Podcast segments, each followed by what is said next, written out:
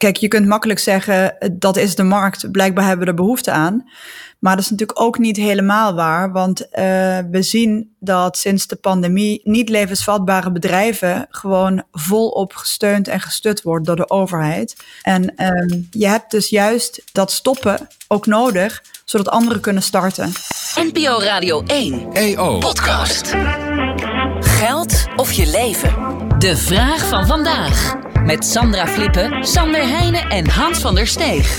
Jens zegt, ondanks alle rampverhalen blijft het aantal horecazaken maar groeien in Nederland. Zijn er niet gewoon te veel? Ik vind het een uh, lastige vraag. Er zijn er heel veel. Er zijn er heel veel. En inderdaad, toevallig hebben we net uh, onderzoek daarna gedaan. Dus um, het aantal horecazaken uh, blijft inderdaad toenemen. Het is, de groei is heel even flink minder geweest tijdens corona. Maar eigenlijk is het nooit echt een krimp geworden. En inderdaad, uh, veel van de tekorten uh, in, uh, voor, voor, voor personeel, zeg maar, in die horeca, heeft ook te maken met het feit dat het eigenlijk alsmaar doorgroeit. Wat te veel is, ja, dat hangt natuurlijk af van de markt. En er zijn zoveel horecazaken als dat er mensen zin hebben om naar de horeca te gaan.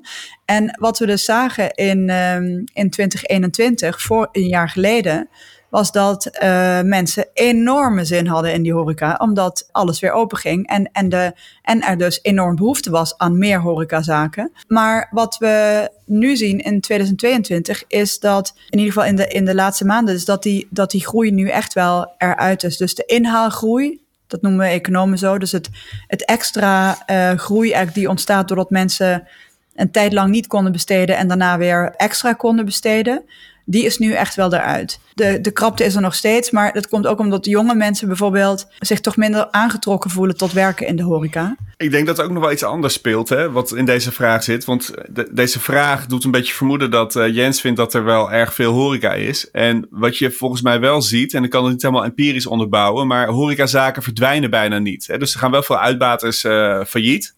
Maar zo'n zaak, hè, zo'n zaak is meestal van een vastgoedpartij.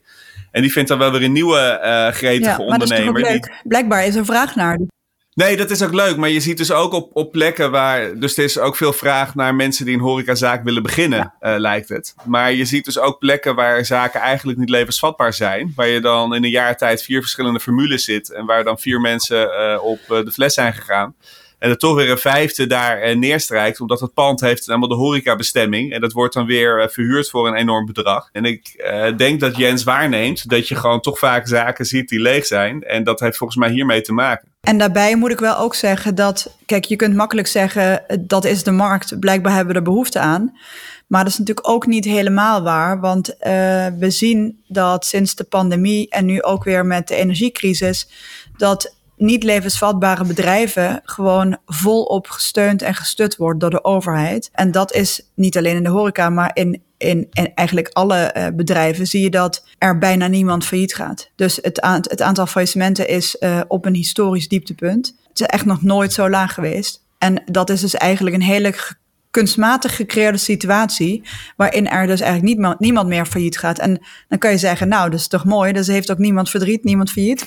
Maar dat is niet helemaal waar, want je hebt dus juist dat stoppen ook nodig zodat anderen kunnen starten. Dat is niet alleen voor die ondernemer belangrijk, maar ook voor de economie als geheel, omdat je daardoor ja, gewoon meer productiviteit krijgt. En ook dat dat wat er aangeboden wordt in onze economie sluit dan beter aan bij wat, wat we nodig hebben in ons leven. Wat, wat is eigenlijk de reden dat jullie daar onderzoek naar doen, Sandra? Wat je in het begin zei. Van we hebben net onderzoek naar gedaan, naar toename van het aantal nou, horecazaken. Nou, de, de reden dat wij daar onderzoek naar doen is omdat wij wilden eigenlijk de vraag beantwoorden: kunnen we, kunnen we erachter komen met onze data of de inhaalgroei van de Nederlandse economie eruit is? Dus of mensen zeg maar het extra geld dat ze hadden willen besteden na, na de lockdown van corona en het extra spaargeld wat iedereen daardoor had. Tenminste, niet -hmm. iedereen, maar veel mensen.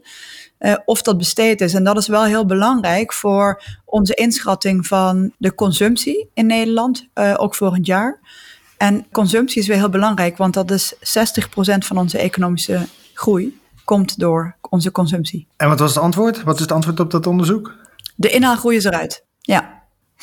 Uh, dan even terug, terug, naar, terug ja. naar Jens. Uh, zijn er niet gewoon te veel? Als ik het goed beluister, zeg je ook, en dat hoor ik vooral bij Sandra, van je kan het eigenlijk niet eens goed meten. Want omdat op dit moment heel veel kunstmatig nog steeds in leven wordt gehouden. Ja, en dan hebben we het nog niet over dat horeca zich ook best goed lenen voor witwassen. Maar laten we het daar maar niet over hebben. Dus dat uh, heeft ook nog wel een effect op deze sector. Maar, vandaar uh, dat ze druk is op die terrassen. goed. Nou, vandaar dat het op sommige terrassen ook heel rustig is en ze toch blijven ja, ja. staan. Ja. Dank. Goed, heb jij ook een vraag aan Sander of Sandra? Of aan allebei natuurlijk, dat kan ook. Uh, mail dan naar podcastradio1.eo.nl. Dit was hem voor vandaag. Morgen weer een nieuwe vraag. NPO Radio 1 EO Podcast.